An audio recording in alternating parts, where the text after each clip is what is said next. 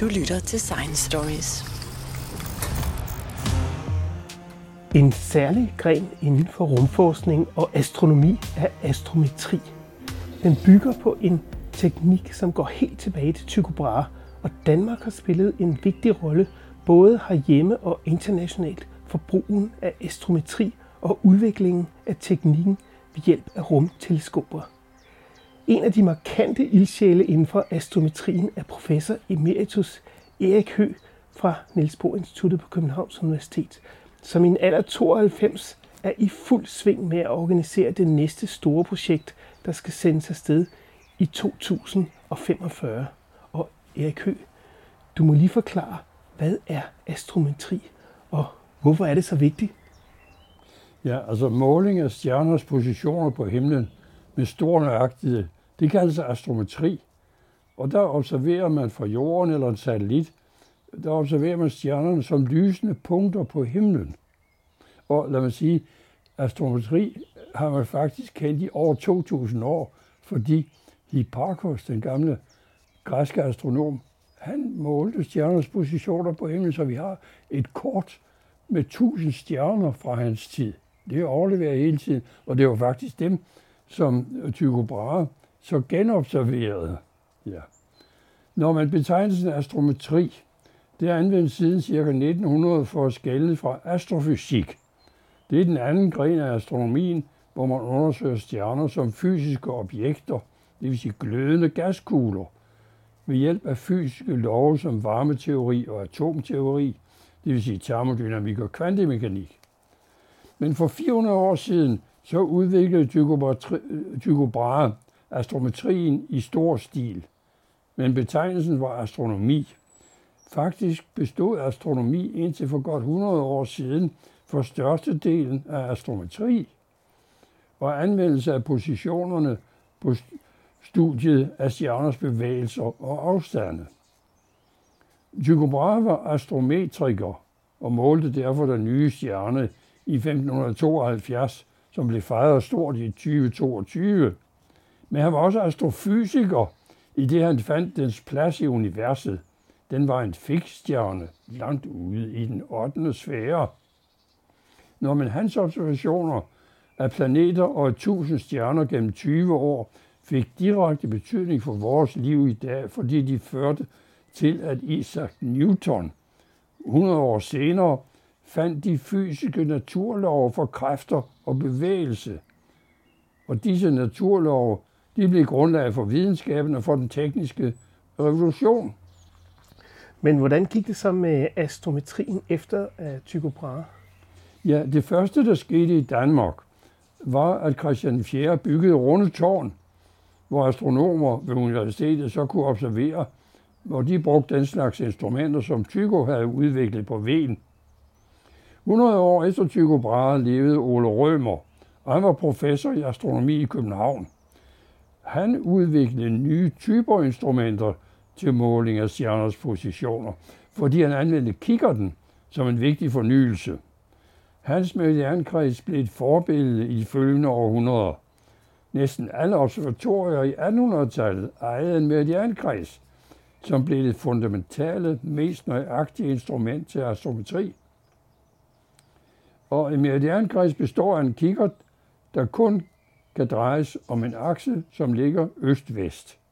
Observatøren kan altså kun se en stjerne, når den passerer meridianen, det vil sige nord-syd-retningen. Han skal måle den nøjagtige tidspunkt for passagen, og så kigger dens hældning, og de der to tal omsættes til stjernens position, rektascension og deklination, kalder vi dem, og det svarer til længde og bredde for et sted på jorden. Ole Rømer måtte faktisk stjæle sig tid til astronomien, siger han selv, for kongen gav ham mange opgaver. Han var politimester i København, højesteretsdommer, opmålte landets veje, ordnede mål og vægt i landet og også andre ting. Hvad skete der så videre med, med astrometrien på, på Københavns Universitet? Ja, i 1861 så flyttede observatoriet fra Rundetårn til en ny bygning på Rosenborg Bastion ved Østervold. Og i det nye observatorium blev der selvfølgelig også opstillet en meridiankreds. Og ved det instrument udførte den meget unge Ben Strømgren astronom, astrometriske målinger, som blev vejvisende for astrometriens udvikling. For i 1925 så eksperimenterede han med stjerners passage over spalter i meridiankredsen. Han registrerede den elektriske strøm i en fotocelle bag spalterne, og det kaldes fotoelektrisk astrometri. Og det var en meget avanceret elektronisk forstærker efter den tids målestok, som denne unge mand på kun 17 år fik bygget til formålet. Men Strømgren blev professor i astronomi. Han blev en af tidens førende astrofysikere, men han vidste, at astrometri var vigtigt for astronomien.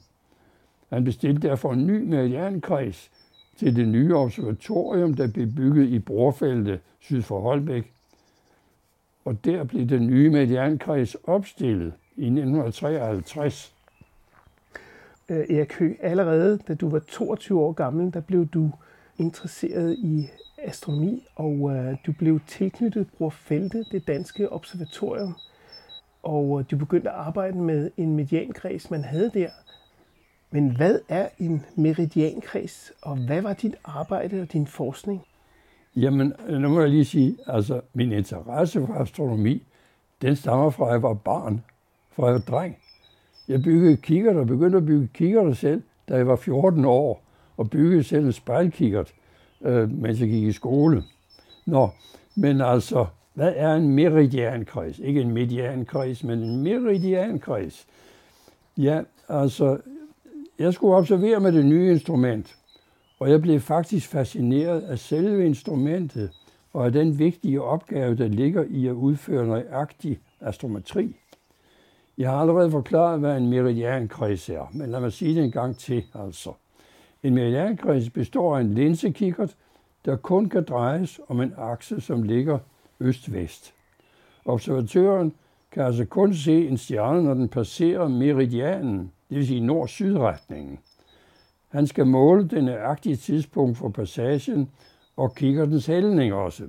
Og de der to tal, de omsættes til stjernens position, som man kalder rektascension og deklination, og de svarer til længde og bredde for et sted på jorden. Hvad kan man så bruge de her målinger til? En stjernes position på himlen, det skal astronomerne jo kende for at kunne sige, hvilken stjerne de har observeret, så andre kan finde den igen på himlen. Stjerner flytter sig på himlen, men så langsomt, at positionerne skal måles meget nøjagtigt for at være nyttige. Stjerner flytter sig, fordi de bevæger sig med en vis hastighed derude, og de der langsomme bevægelser siger os, hvor stjerner bevæger sig hen. Det skal vi bruge til at sige, hvor stjernen befinder sig til enhver tid. Samtidig siger bevægelserne os noget om det stjernesystem, de tilhører. Øh, der må jeg øh, lige sige, at Tycho Brahe vidste ikke, at stjernerne flytter sig på himlen. For han så øh, positionerne, så stjernerne på samme måde, som Hipparchus gjorde 2000 år tidligere. Og stjernerne bevæger sig på himlen imellem hinanden. Det blev først opdaget omkring 1700. Men lad mig sige, øh, stjernerne bevæger sig også, fordi vi på jorden farer rundt om solen på et år. Og størrelsen af den kredsbevægelse er mindre, jo længere stjernen er borte. Og ved at måle den størrelse, så kan vi måle stjerners afstand i verdensrummet. Så derfor er astrometri vigtig for alle grene af astronomien. Men hvordan lærte du om de her ting? Ja, altså, jeg lærte ved at høre forelæsninger og ved at læse. Men meget vigtigt var det for mig, at jeg havde nogle fremhavne lærere. Og det var især Ben Strømgren og Peter Nauer. Peter Nauer havde jeg daglig kontakt med i nogle år, da jeg delte kontor med ham på Østervold.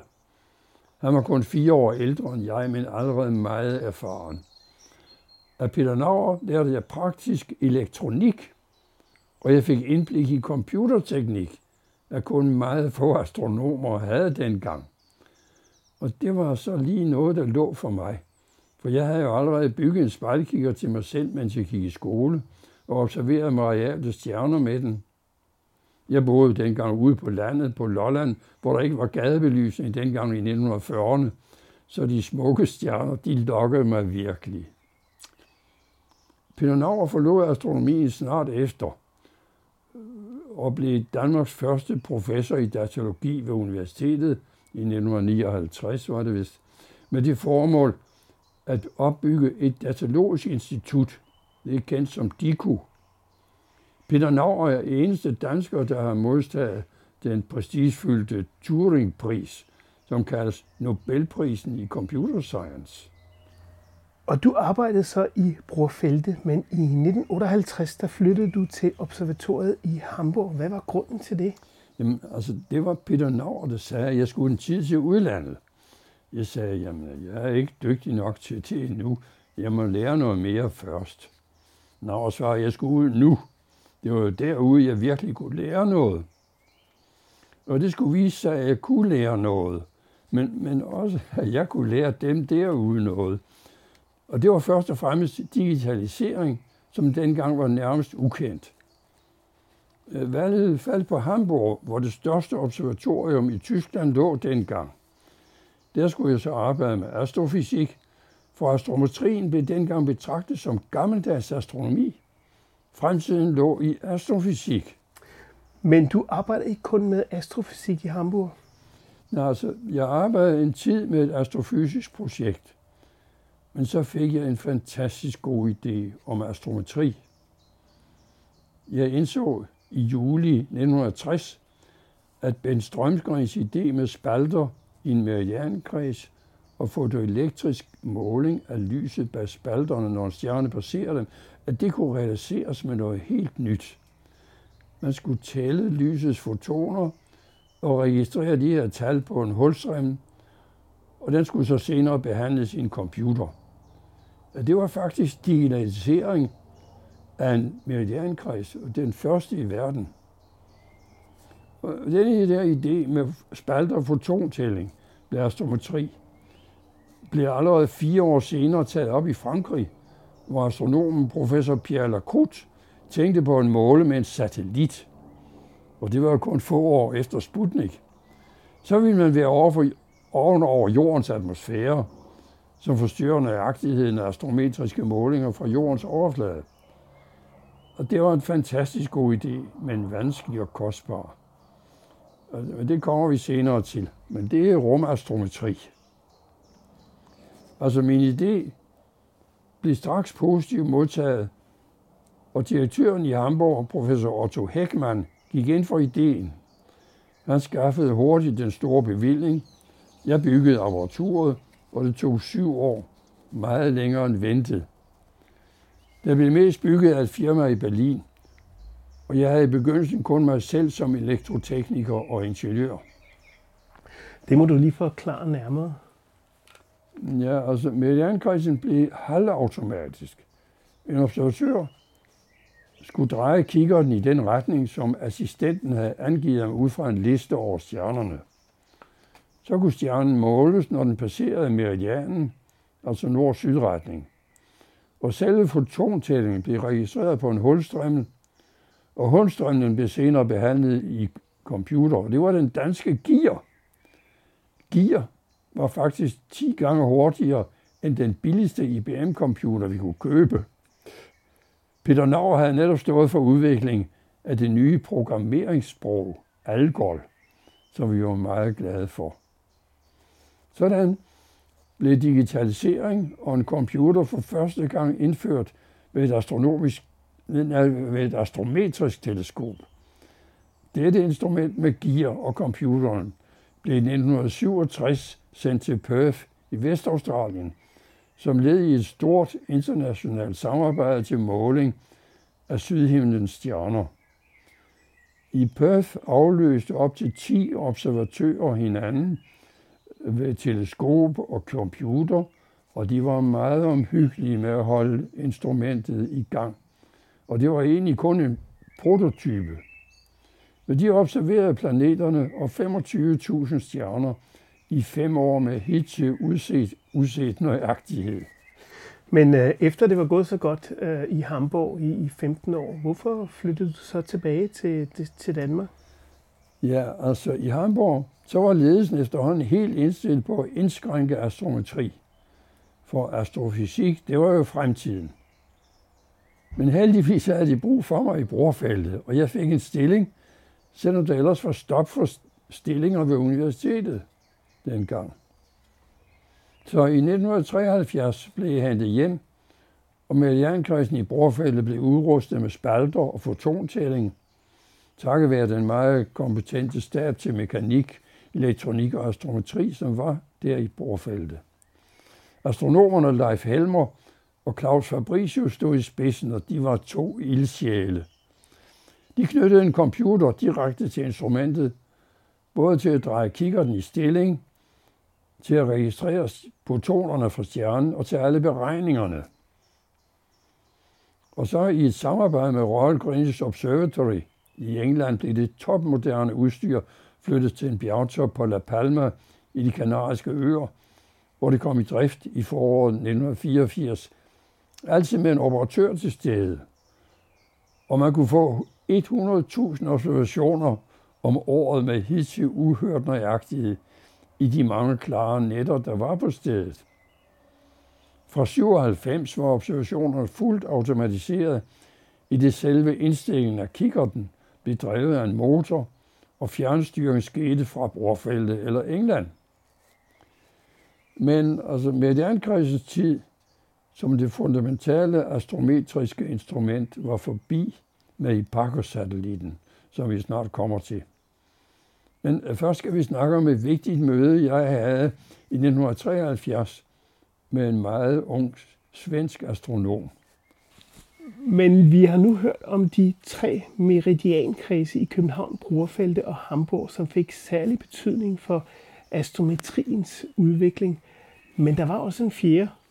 Ja, altså den fjerde meridiankreds, der blev vigtig, ja afgørende for astrometriens udvikling, stod i Lund Observatorium i Sverige, over på den anden side af sundet.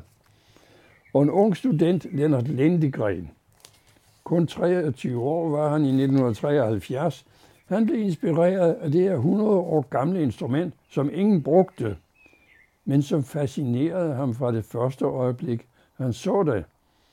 Sådan skriver Lennart, på engelsk selvfølgelig, i sin selvbiografi fra øh, 2022. Han fortæller videre, at han arbejdede med instrumentet og ønskede at arbejde med astrometri til sin Ph.D. Og det var meget usædvanligt på den tid i 70'erne, da optisk astrometri blev betragtet som gammeldags. På det tidspunkt kunne hans, øh, som man skriver let, hans karriere let have taget en anden retning, hvis det ikke havde været for et usandsynligt sammenfald i tid og sted, skriver han, i det Erik Høgh netop var jeg vendt hjem til Danmark efter 15 år ved Hamburg Observatorium. Vi mødtes derovre i Lund i efteråret 73, og jeg blev Lennarts de facto vejleder, kollega og ven, som han skriver. Jeg gav ham observationerne af planeter fra Meridiankrisen i Australien, og han lavede en brilliant analyse. I 1976 havde jeg indset, at målingerne med mit design af en astrometrisk satellit, det kommer vi jo til senere, at det ville føre til et system af 10 millioner ligninger med en halv million ubekendte, og det synes umuligt at løse med den tids computer. Jeg fortalte Lennart om problemet, og fire uger senere så sendte han mig en beskrivelse af en metode med alle matematiske formler.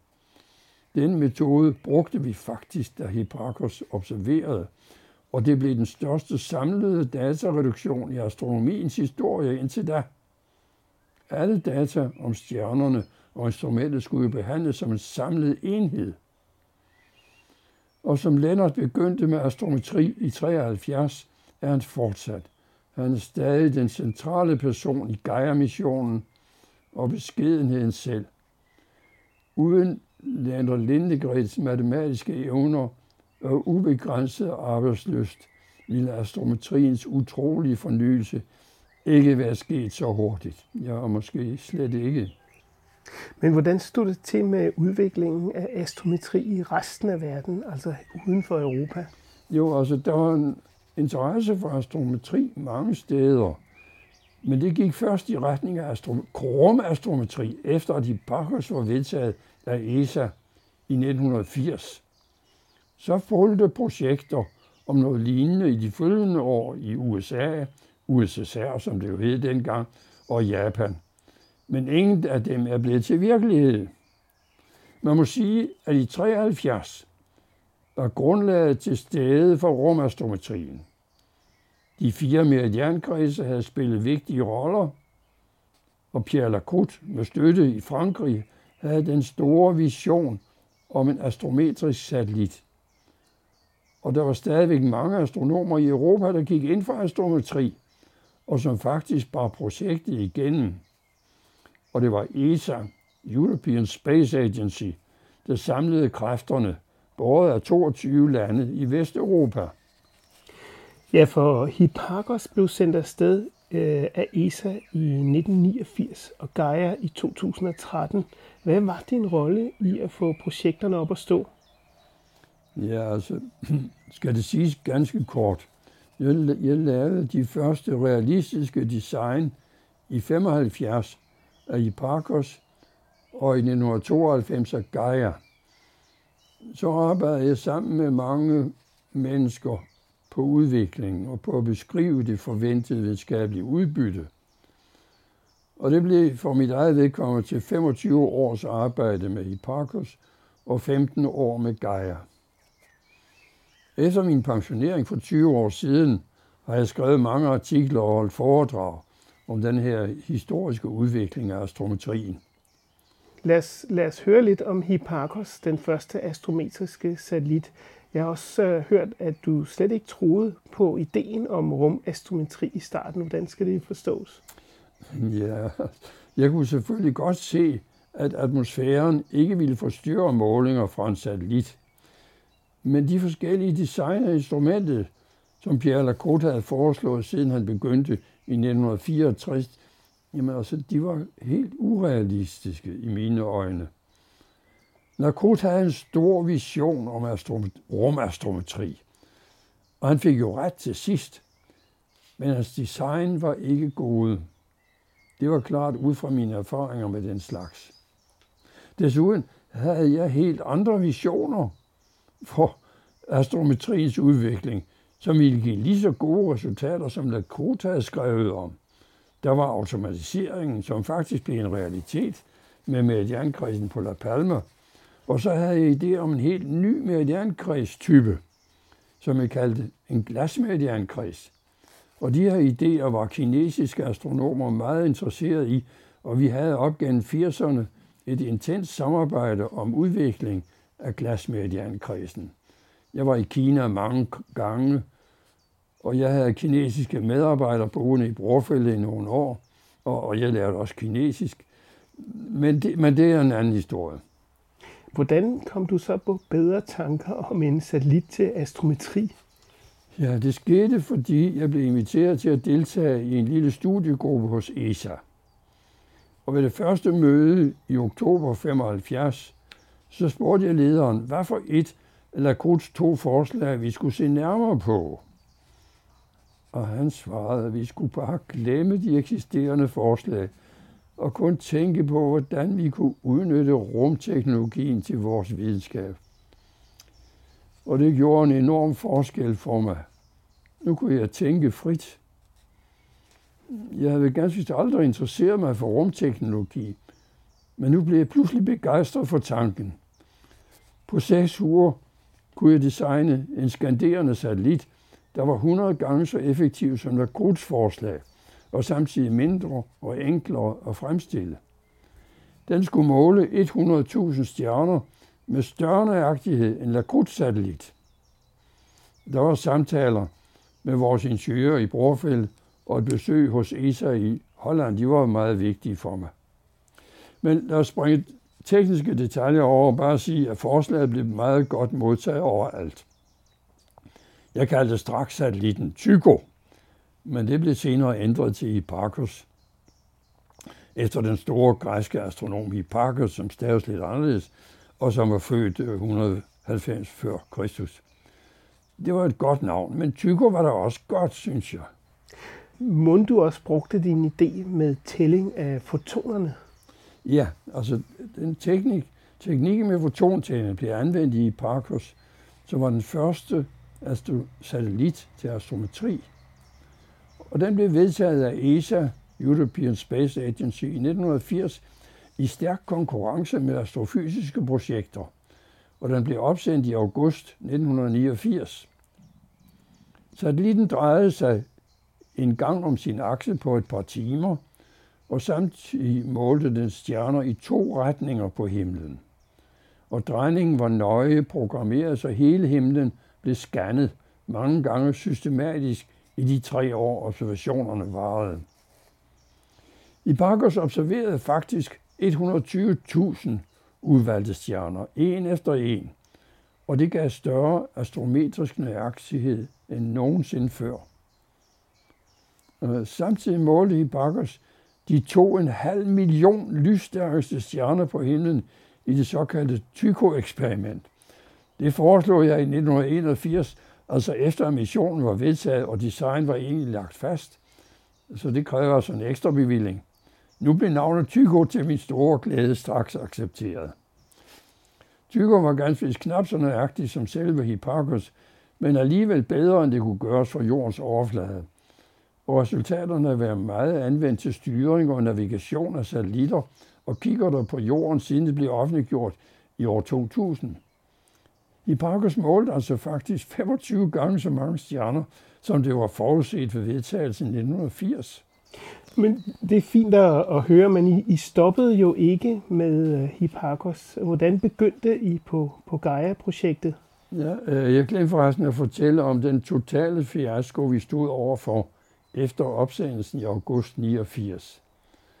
Jeg oplevede opsendelsen på nærmeste hold, kun få kilometer fra raketten. Den så, det så først ud til at stå, gå godt, men dagen efter skulle den elliptiske bane gøres cirkulær, så Hipparco skulle ende i en geostationær bane, hvor den hele tiden står over det samme sted ved ekvator i en afstand af 36.000 km fra jorden. Men den indbyggede raket tændte ikke. Så Hipparchus blev altså hængende i den aflange bane. Altså, det var jo en katastrofe. Så jeg var dagens gæst i begge fjernsynskanaler, da jeg kom hjem fra Sydamerika. For en katastrofe er jo godt stof for pressen. Men altså, det lykkedes for ingeniørerne at ændre banen lidt, og vi fik faktisk alle de observationer, vi havde håbet på. Ja, faktisk mange flere, end vi havde ventet. I Parkers Tycho blev en komplet succes. Sikkert over et eventyr, men, men du må lige forklare, hvordan øh, fik I så startet Gaia-projektet? Ja, altså det begyndte allerede i 1990, kort efter at Hipparchus var sendt op. Altså på et tidspunkt, da alle i Hipparchus havde fuldt op at gøre med at hente data fra satellitten og behandle disse enorme datamængder i computer rundt om i Europa. Flere hundrede astronomer og teknikere i fire konsortier havde fordelt opgaverne imellem sig, og det hele blev centralt ledet af de Parker Science Team, som mødtes regelmæssigt. Og det her Science Team havde en halvsens medlemmer, hvor Lenner og jeg var med. Men i 1990 så var jeg gæst i det store Pulkova-observatorium nær Leningrad, som byen, byen hed dengang. Det var St. Petersborg. Jeg skulle selvfølgelig fortælle mine kolleger om Hipparchus, som de var meget interesseret i. Men de havde også inviteret mig på en længere rejse i 14 dage, først til rumcentret ved Moskva, hvor man styrer også de bemandede versioner, missioner. Derefter til deres observatorium Kislovodsk i Kaukasusbjergene. Det var en spændende rejse med kolleger, som jeg kom til at holde meget af, og vi havde meget at tale om. Russerne havde faktisk hele tre projekter for efterfølgere til Hipparchus, som jeg allerede havde læst om. Jeg prøvede under rejsen nærmere at forstå det ene af disse projekter, som mine tre ledsager var med i. Men det gik sådan, at jeg ikke rigtig kunne forstå, hvordan det virkede. Og efter en dags samtaler opdagede jeg, at jeg mere var optaget af at designe end forbedre Hipparchus. Men hvordan kunne du få tid til det? For du havde også samtidig også lige øh, ledelsen af eller arbejdet med både Hipparchus og, og Tycho.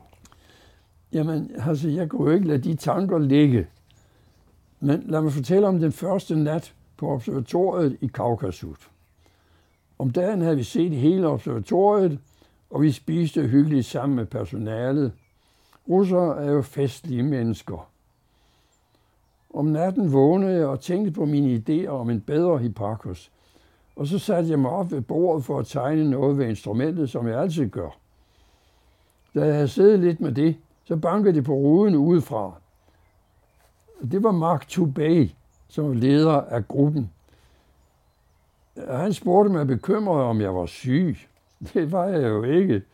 Så kom han med bedre lampe til mig, og jeg fortsatte lidt endnu. Når næste dag, så var det klart, og vi kunne i det fjerne se Mont Elbrus, og det er Europas højeste bjerg. En meget smuk, udslugt vulkan med to sneklædte toppe. Men hvordan øh, fortsatte I samarbejdet? Ja, altså i de følgende dage, så blev vi enige om at fortsætte vores samarbejde. Og det lykkedes virkelig. I de følgende to år mødtes vi skiftevis i USSR, eller Rusland kom jo til at hedde, og, så, og i Danmark og i Sverige, for jeg fik Lennart med i den her proces. Ved hvert møde kunne jeg fortælle om mit og Lennarts projekt, der hver gang var blevet 10 gange bedre, og russerne fortalte om deres idéer. Ved et møde i København i august 91 oplevede vi sammen med russerne kuppet i Moskva mod Gorbachev, som blev slået ned efter kun tre dage.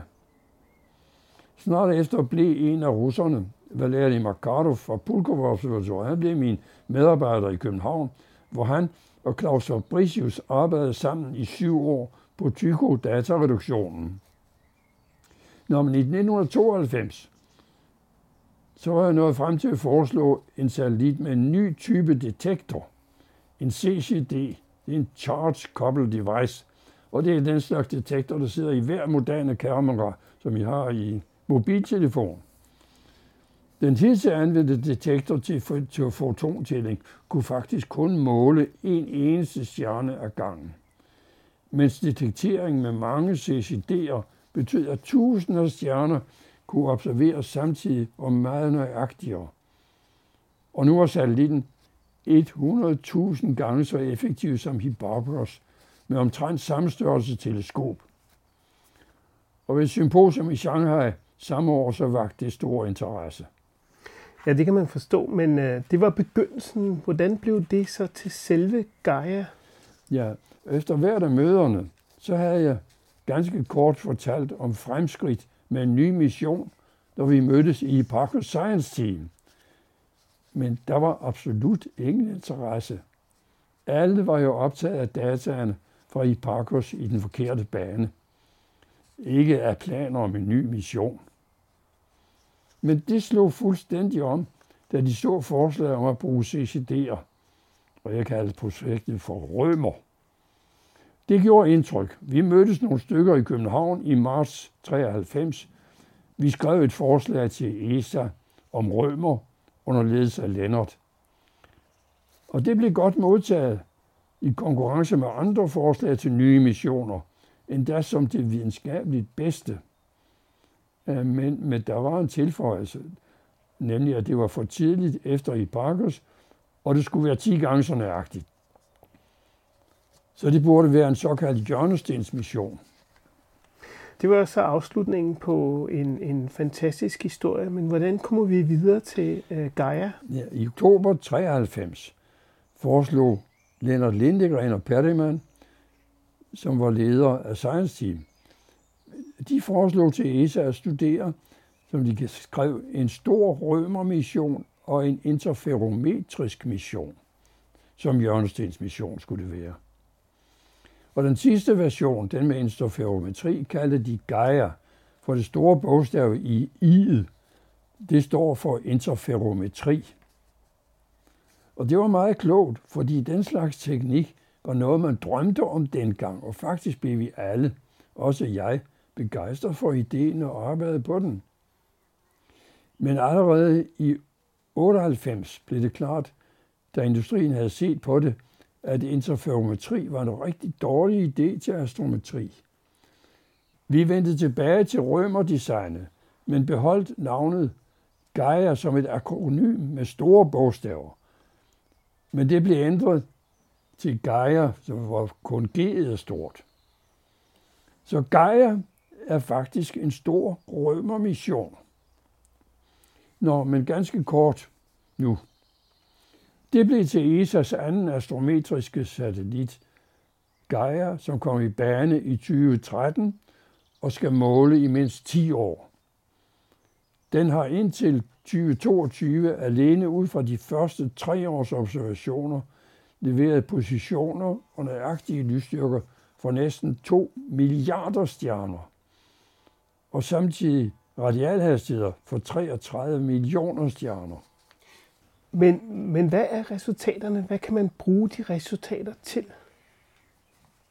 Altså nøjagtighed, det er super vigtigt i astrometri. Og fremskridtet kan kort beskrives sådan her.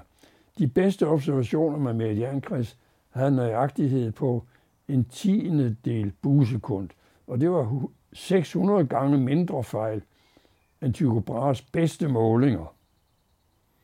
Hipparcos-satellitten opnåede 100 gange mindre fejl, og Gaia yderligere næsten 100 gange mindre. De astrometriske resultater fra Hipparcos og Gaia overgår langt de forventninger og nøjagtighed og antal stjerner, vi havde ved missionernes vedtagelse. Tilsvarende gælder for de videnskabelige resultater. Opsendelsen af videnskabelige missioner stiller særlige krav til industrien, som bidrager med udvikling af ny teknologi, der også kan findes mere dagligdags anvendelse. Og alle medvirkende bliver dygtigere gennem arbejdet med de her krævende opgaver. Resultaterne har været revolutionerende i alle grene af astronomien. De har i årene 2019 og 2020 givet lige så mange videnskabelige publikationer om året som alle andre ESA-missioner til sammen. Alene baseret på observationer fra de første 22 måneder. Og der udkommer 4-5 Gaia-relaterede publikationer om dagen, og observationerne ventes at fortsætte til 2024, altså i 10 år. Du må altså nævne nogle eksempler. Ja, altså her er nogle anvendelser i forskellige grene af astronomien, men øh, nu må du jo bare stoppe mig, hvis det bliver for meget. Positionerne er så nøjagtige, at man kan rette kikkerten mod stjernen og være sikker på, at lyset rammer spalten i spektrografen uden en yderligere kontrol, øh, som tidligere var nødvendig. Og en anden eksempel. En helt ny forskningsområde er blevet skabt. Man kan studere Plutos atmosfære med teleskoper fra jorden, altså uden at sende nogen rumsonde derud. Man observerer, hvordan en stjernes lys svækkes, når det går gennem Plutos atmosfære. Det blev muligt, fordi man med de nøjagtige positioner kan beregne de steder på jorden, hvor det kan ses ganske nøjagtigt, og hvornår det sker. Amatørastronomer kører gerne ud til stedet, og med deres små kikkerter registrerer de lyskorme, som så analyseres af astronomer i Paris. Man har på den måde også observeret asteroider, og derved opdaget, at en af asteroiderne har et ringsystem. Og så en anden eksempel. Stjernernes bevægelse på himlen måles så nøjagtigt, at man kan studere bevægelserne selv i de fjerneste dele af vores mælkevejsystem og i de nærmeste andre galakser. Man studerer således vores galaksers struktur og udvikling. Man har opdaget, at nogle stjerner i vores galakse stammer fra andre galakser, der har mødt hinanden for millioner af år siden.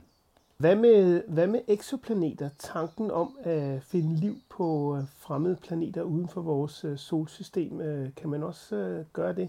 Ja, altså exoplaneter, Det er jo planeter, der kredser om en anden stjerne end vores sol. Og det blev til en stor ny videnskab, siden den første blev opdaget i 1995. Og nu kender man over 5.000 af slagsen, opdaget med forskellige metoder fra jorden eller fra satellitter – men med disse metoder kan man kun finde planeter med ret korte omløbstider, op til cirka to år. Kun et sne stykker har længere omløbstider. Men man må da også have fat i planeter med de lange omløbstider for at forstå systemerne og deres udvikling. Vores egen Jupiter har en omløbstid på 12 år, og Jupiter har stor betydning for vores planetsystems hele udvikling, hvor der flyttes rundt på de planeter, der var i systemet til at begynde med. Og vi ved, at man vil finde mange tusind systemer ved hjælp af astrometri, når man har resultaterne fra 10 års observationer med Gaia. Udviklingen af systemerne kan føre til, at der kommer små og måske, u- og måske beboelige planeter på rette plads.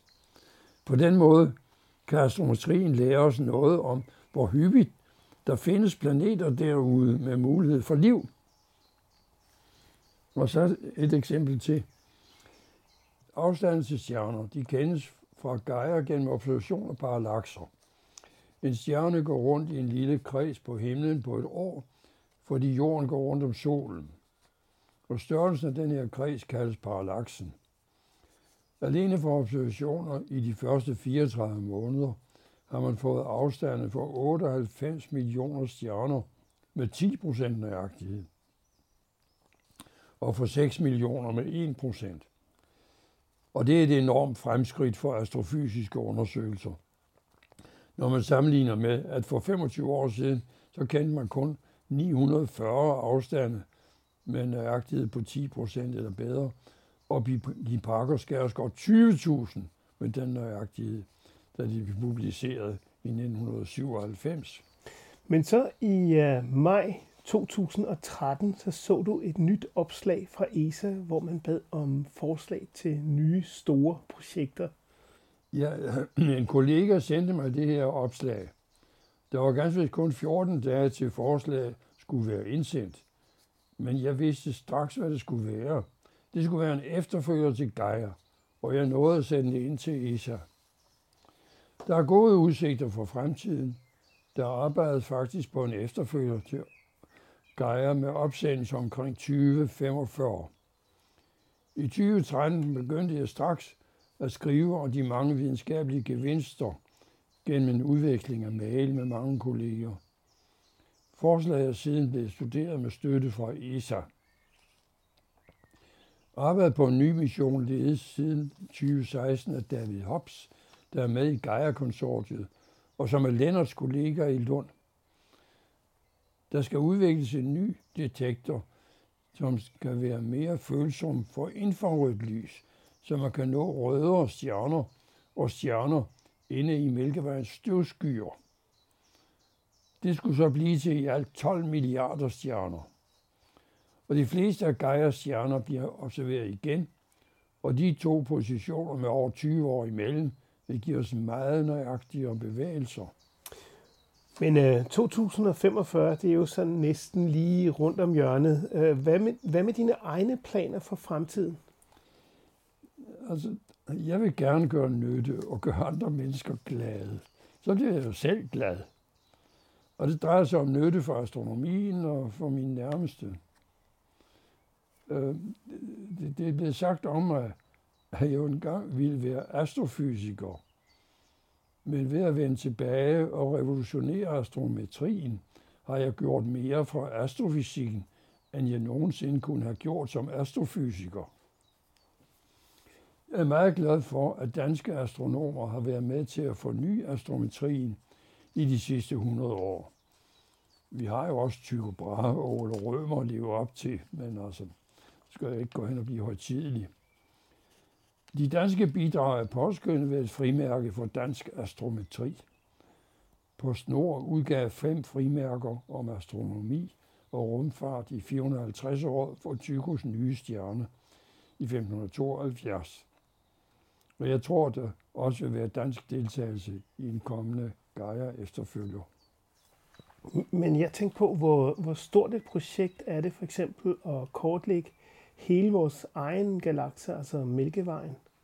Jamen, det har vi faktisk allerede gjort med Gaia.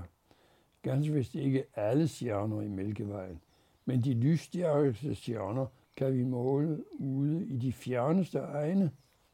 Men øh, hvad med stjerner i andre galakser? Hvor svært er det at kortlægge dem? Altså, det gør vi faktisk allerede med Gaia for mange af de nærmeste galakser. Hvad med om, om 100 år? Vil man stadigvæk bruge astrometri til at kortlægge stjernerne? Ja, altså det er nødvendigt for astronomisk forskning. Så hvis sådan noget findes om 100 år, hmm, Men Erik, du er, du er vant til astronomiske perspektiver. Hvad tænker du så om fremtiden? Og så meget er usikker, når man ser fremad.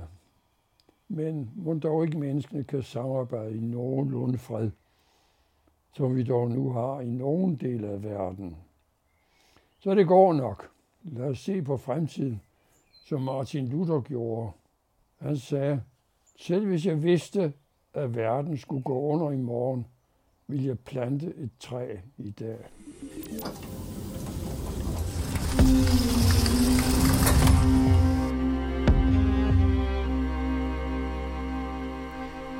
Hvis du holder af historier om videnskab, kan du finde Science Stories hjemmeside på www.sciencestories.dk.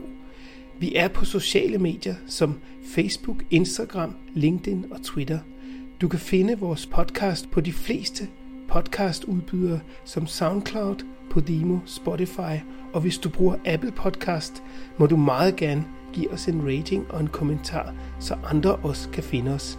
Jeg hedder Jens Deget, og dette var Science Stories.